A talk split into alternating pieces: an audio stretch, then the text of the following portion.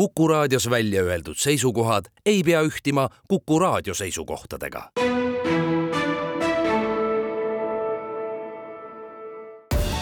Tartu linnasaade tere, tänases saates on Tartu kolm uut aukodanikku, kes saavad õhtul Eesti Rahva Muuseumis kätte oma tunnustuse. sõna saavad lastearst ja psühhiaater, keemilise füüsika professor, vesinikutehnoloogia edendaja ja skulptor. Neid usutleb Madis Ligi doktor Daniel Karlsson on eluaeg tegelenud lastega, nii nendega, kes on ilmale tulnud mingisuguse probleemiga, kui ka nendega, kellel on elu jooksul tekkinud probleemid. kes on praegu siis teie patsiendid, teilt abisaajad? Jaa, ütleks selle kohta, et minu elu kulgeb praegu koos nende noortega, nende peredega, kelle miskipärast on olnud nende elus raske jõuda psüühilisele tasakaalule. Neil, kellel on olnud äh, selliseid läbielamisi, mis on äh, pidurdanud nende arengu, rahulikku arengu kulgu ja teed, kes pealtnäha paistavad väga tavalised noored olema aga seest võivad olla väga katkised. kuidas nad teie juurde jõuavad? Siiamaani, see tähendab kümme aastat oleme tegutsenud siis e, Eestis ainukese eksisteeriva avatud miljööteraapilise ravikoduga ja selle aja jooksul on meil kuskil nelikümmend, viiskümmend noort aidatud edasi elule ja enamus neist on jõudnud ikkagi läbi haiglasüsteemi lastepsühhiaatrite mõned ka minu enda vastuvõtust patsiendid, aga kui me üks kaheksa aastat olime Tartu Herbert Masingu kooli koolkoduna tegutsemas eh, Pepleri tänaval, siis nüüd eh, kaks aastat tagasi moodustasime iseseisva MTÜ Oskar Alliku kodu ja asume sellest aastast ka Tähtvere avatud naistekeskuse majas, mis on imeline Johannes Esto maja, kus ma olen ka neliteist aastat töötanud väärkoheldud peredest emade ja lastega. See on ilmselt üks väga pikk ja vaevaline protsess, kus edu võib-olla sageli on ka raske loota. ma ei oleks nii pessimistlik, edu on alati oodata ja loota et tegelikult iga väike samm on teel edule või iga väike samm on edu. kõige keerulisem on muidugi nende noortega, keda meil on praegu ühiskonnas päris palju, nende noortega, kes on kaotanud usu ja usalduse täiskasvanute ja ühiskonna suhtes. sest mõnes mõttes meie oma meeskonnaga peaks olema nagu väike ühiskonnamudel, kes siis uuesti õpetab või uuesti loob selle suhte nõnda, et äh, usaldus saab jälle tasapisi tekkima hakata. ravikodu keskmine aeg, kui noor ravikodus on, on kaks aastat, mõni ka kolm aastat. mida keerulisem ja mida raskem on olnud kahjustus elu jooksul, seda pikemaaegselt nõuab see ka selle nagu silumine või edasitee leidmine ja noored, meil on kuus kohta ja need noored on ööpäevaringselt meie juures ja me teeme väga tihedat tööd peredega. et peredega koostöö on tegelikult võtmeküsimus ja ka see, et noored ise peavad tahtma millegis muuta või millegis abi saada. Nad ei jõua siia läbi kohtusüsteemi, nad ei jõua siia siis, kui on nad noh, abi jäänud nii hiljaks, nõnda hiljaks, et nad on kuidagi juba kriminaalsele teele jõudnud vaid me püüame neid aidata ennem, peresid ja neid lapsi. mis eas nad tavaliselt on, kui nad teie juurde tulevad? ametlikult on meil see vastuvõtuiga kaksteist kuni kaheksateist, kuid praegusel momendil on meil kuueteistkümne, üheksateistkümne eluaasta vahel. see tähendab, et ikkagi puberteediea, ütleme kriisil eh, saab võimendatud erinevad sellised psüühilised probleemid, mis on juba varasemast ka nagu hellaks teinud selle noore ja tundlikuks, et see, see nagu võimendub läbi puberteedi ja, ja muutuste. Teil on oma tegevuse läbi hea hinnata ka seda, kuidas on äh, muutunud suhtumine nendesse, kellel on äh, mingi kas sünnijärgne probleem, äh, puue või siis ka elu jooksul tekkinud, sest te olete ametis olnud ka Maarja koolis, näinud neid lapsi ja lapsevanemaid ja ka neid aitajaid üle ilma, kes on siis meile toeks tulnud. see on ülimalt väärt kogemus. jaa, sellest võib lausa anekdootlikke lugusid meenutada meenutada kõikidest nendest äh, abisaadetistest ja selle organiseerimisest. aga ma pean ütlema, et võib-olla kõige suurem muutus on äh, vähemalt intellektipuudega või liitpuudega lastesse suhtumises äh, toimunud küll selle kolmekümne aasta jooksul. et kui me kolmkümmend aastat tagasi pidime vanemaid veenma, et, et usalda ja julge tulla oma lapsega välja ka õhtuhämarusest ja pimedusest, äh, nagu paljudki tollel ajal äh, oma noh, puudega lapsega väljas liikuda ainult said. ja läbi selle vanemate toetuse, läbi nõndanimetatud pühapäevaringide, mis me korraldasime ja tõepoolest nende see enesekindlus, e, nende julgus just vanemate see väärikuse tunne, et see ähm, andis jõu kõigepealt julgeda ühiskonda tuua oma need äh, väga armsad, aga teistmoodi lapsed. Äh, ja ma arvan, et selle kaudu, nende julguse kaudu, tänu nende lastevanemate julgusele sai ka ühiskond rohkem neid näha, sest ennem seda olid nad ju hooldekodudes enamus ja sellest ajast saadik, ma arvan küll, kolmekümne aasta jooksul on Eesti ühiskond väga, väga jõudsalt edasi liikunud.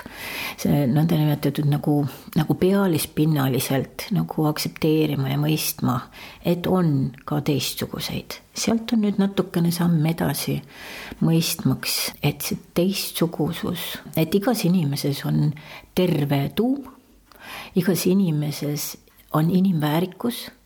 ja et me oleme sarnased, isegi siis, kui väljast paistab teistmoodi. ja et äh, see üheskoos olemine, mitte et sa kuidagi eriliselt tähelepanu pöörad või, või kuidagi väga silmnähtavalt teistmoodi käitud, vaid et nad muutuks meie ühiskonna tavakodanikeks. sinna on veel natukene maad minna aga minu arvates on eriti keeruline nendel noortel ja nende noorte vanematel, eh, kes on tavaliselt kõrge vaimse intellektiga, eh, aga väga-väga katkised seest, kes väljastpoolt paistavad justkui tavalised rõõmsad ja vahel jah, vähem rõõmsad inimesed ja noored välja, aga seest võib olla just täpselt üks juuspiir, juusõrn, õhuke piir sinnani, et ma enam ei jaksa elada. ja vaat selle märkamine ja nende, nende noorte toetamine hinnanguvabalt, entusiastlikult ja järjekindlalt uuesti ja uuesti kannatlikult neid edasi toetades usaldamise teel. see on veel väga-väga lapsekingades. Tartu linnasaade professor Enn Lust, alustuseks ma meenutan meie esimese kohtumise lõppu aastaid tagasi, kus te ütlesite, et vesinik on tulevik, täpselt sellise tugeva rõhuga, mitte põlevkivi. kas see tulevik on nüüd käes, küsin ma see tulevik läheneb meil hästi kiiresti ja kui me oleks teinud õigel ajal õigeid järeldusi kümme aastat tagasi, siis oleks ta juba poolenisti meil käes. Nüüd on ta meil umbes käes kümne protsendi ulatuses. mis siis käes on ja mis veel on kätte saamata? käes on põhimõtteliselt initsiatiiv, et Eesti suurettevõtted nagu Eesti Energia, Enefit Green, Alexela, Tallinna Sadam ja teised ettevõtted on aru saanud sellest, et vesinikutehnoloogia kompleksne lahendamine on asja lahendus, mis genereerib tulevikus hästi tasuvaid töökohti ja hästi kõrgeid lisandväärtustes toodetes. ja selle tõttu siis põhimõtteliselt on need osa ettevõtteid õigel teel, noh, sinna tuleb veel lisada Utilitas ja, ja Sillamäe sadam, pluss veel. Kindlasti on Tartu päikesepark, Estika päikesepark koos siis plaaniga vesinikku salvestada, aga ka selline haruldasi muldmetalli tootav kompleks nagu NP Silmet, kes siis lisaks oma haruldaste muldmetallide toodangule, kus tal ka vesinikku läheb vaja, hakkab rajama ju Narvasse emafirmaga koostöös haruldaste magnetite või supermagnetite tehast, mis siis põhimõtteliselt vajab hästi puhast vesinikku ja, ja kõige suurem vesinikurakendus, mis on toodetud taastuvenergiaga, saab olema tööstuses keemiatööstuses ja rasketööstuses, sellele järgneb meile väga juba suhteliselt hästi omaks võetud transpordisüsteem, aga vesinikku on võimalik kasutada ka erinevates küttelahendustes, tsentraalsetes keskküttelahendustes, aga loomulikult on tema rakendused ka biokeemiatööstuse moderniseerimises, nii et vesiniku rakendusi on hästi palju, kui me vaid suudaksime üles ehitada Eestis taastuvenergia elektri tootmise võimekuse, mis on umbes neli kuni viis korda suurem kui meie piikvõimsus kui paljudega nüüd teie oma õppetoolis, füüsikalise keemia õppetoolis teete koostööd selleks, et teadlased saaksid oma panuse anda, arendada, proovida, katsetada, mida võtta, mida mitte? Koostöö on, võib öelda, kahetasandiline. üks tasand on selline fundamentaal- ja materjaliuuringute ja, ja seadmete valmistamise tasand, kus me teeme koostööd Eesti kõrgtehnoloogiliste ettevõtetega nagu Elcogen, nagu Hakax Elektro, nagu Stargate Hydrogen, nagu täpselt samuti Silmet ja Tartu Raadi päikesepark, kus me siis üritame Eesti Energia Enefit Green, kus me siis üritame koostöös välja arendada uusi materjale, uusi seadmeid, mis siis on vajalikud komplekssetes energiasalvestussüsteemides, on siis need seadmed seotud kas siis superkondensaatorite erinevate prototüüpidega, naatriumioon, sinkioon patareidega või siis kütuseelementidega, elektrolüüseritega, nii madaltemperatuursete kui kõrgtemperatuursetega aga me arendame välja ka plahvatuskindlaid õhukesi kihilisi vesinikusalvesteid selleks, et eh, saavutada lihtsamini vesiniku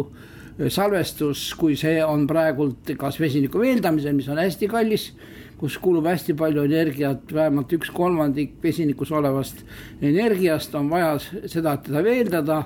seega on ta on selline hästi kulukas tegevus, aga õhukeste kiiristesse metall, kompleksmetallhüdriididesse, mis on siis kantud poolsetesse süsinikandjate peale,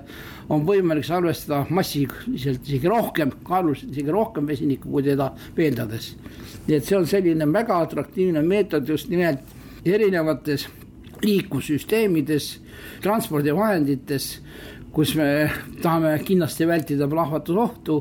eh, vesiniku kaasavõtmiseks eh, transpordis. Kas see kõik kokku tähendab seda, et need uued väljakutsed ja see panustamine ja trummeldamine, taastuvenergia, see on see meie õige tulevik, on toonud ka teie erialale noori juurde, teil on üha enam, keda ülikoolis õpetada, ehk see haarab ka noori ja tahetakse oma teadmisi täiendada, ennast arendada, teadust teha jah, see on niisugune kahe teraga mõõk ja kahe teraga küsimus. põhimõtteliselt on niimoodi, et meil konkreetselt, mis puudutab taastuvenergeetika ja selliste kõrgeefektiivsete energeetikaseadmete uurimist, arendamist, kaadripuudust, üliõpilaste puudust ei ole kuigi millegipärast on tunda nagu üleüldilist sellist materjaliteaduse vastu huvi ja ka keemia ja füüsika vastu huvi nagu langust. aga meie konkreetselt teadusuurimissuunas me kurta ei saa, sellepärast et nüüd jälle toimub doktoritööde kogumise voor ja meil on Keemia Instituudist jälle kaksteist projekti nagu esitada, kusjuures meil garanteeritud kohti on ainult kuus nii et meil eksisteerib selles taastuvenergeetika ja selle õpetamise, taastuvenergeetika õpetamise suuna pealt isegi konkurents doktorantuuri astumisel. no siin koridori peal sain kokku ühe vietnamlasega, ta on teie doktorant või kaastööline? see vietnamlane arendab meil põhimõtteliselt eh, järgmise põlvkonna kütuseelemente, kus siis kasutatakse plaatina aktiveerimiseks haruldasi muldmetalle, mis annab siis oluliselt kõrgema aktiivsuse ja ka püsivama katalüütse aktiivsuse just nimelt sellistes tingimustes, kus plaatina on elektrodile vähe pandud. Kui meil oleks plaatina hästi palju, me saaksime teda hästi palju panna, siis meil ei oleks vaja selliseid tsirkuse või trikke teha, et me aktiveeriks neid haruldaste muundmetallidega, seerium, lantaanium, rosedüüm ja mingite muude nanoklastritega, aga kuna plaatinametalle on teatavasti maailmas vähe, nad on, on suhteliselt kallid, siis uuritakse just nimelt võimalusi, kuidas võimalikult väikese plaatinametalli kuluga neid järele aktiveerides teiste selliste katalüütiliselt aktiivsete materjalimetallidega nagu haruldased muundmetallid, proseotüüm, tseerium, lantaan, neodüüm, see põhimõtteliselt on võimalik värske Tartu aukodanik on ka skulptor Mati Karmin. no loomeinimene on avaliku tähelepanuga harjunud, sest see on ju suisa sisse kirjutatud teie elukutsesse. nojah, seda küll juhtub harva, aga sest ega skulptuur ei, ei hüppa ega karga ega tee palagani, et selline vaikne, vaikne asi ju tähelepanu ei tõmba õnneks. sinu töödest vast kõige tartulikum on see suudlevate tudengite kuju Raekoja platsil, mis on äratanud mitte üksnes tähelepanu, vaid paraku ka järeletegemist, plagiaatide tegemist mujal. igal juhul pole ükskõikseks ta jätnud paljusid. ega ta ei jätnud ju alguseski, sest ega sarjata sai ikka, kõigepealt sai Reformierakond, et miks nad tegid, raiskasid maksumaksja raha, tegid selle purskkaevu ja, ja veel koledam, et tegid Jaani kirikule vaskplekist katuse, nii et poliitilised oponendid andsid juba avamise hääle, no eks minagi sain kolleegide käest, et miks selline realistlik vanamoodne asi, et, et kõik ju kukkusid järsku seda läänt järgi matkima aga samas eh, nii omad kui turistid eh, käivad eh, nende suudlevate tudengite juures, teevad pilti, naudivad ja nüüd äsja läinud sügisel said need suudlevad tudengid värskenduse kuuri läbi tehtud. nojah, eks kultuuriga on nii, et, et teda tuleb ikka aeg-ajalt kas või puhastada ja hooldada. jällegi muidugi meil on ta selline mureteema, aga mujal maailmas on ju selleks küll linnaaednikud ja kunstnikud ja muu nii-öelda rahvas, kes sellega tegeleb, aga muidugi see purskkaevu eh, teema Tartus oli ju see, et jäi alles see vana purskkaevu kehand, mis oli juba nõukogude ajal vist kuue-seitsmekümnendatel tehtud ja noh, see andis järgi. eks ju tookord, kui see skulptuur valmis, oli see ju ka säästuprojekt nagu ikka, aga säästuprojektide eest tuleb hiljem, hiljem maksta turuhoone ees olev siga on ka sinu tehtud ja seegi on äh, palju tähelepanu tõmmanud. jaa, noh juba enne selle avamist oli suur vastuseis, keegi intelligentne inimene arvas, et noh, milleks nii kultuursesse linna nagu Tartu üldse seaskulptuuri panna, kui on ju enamasti ainult loomeinimestele ja, ja tähtsatele isikutele, nii et see on veel kuskil,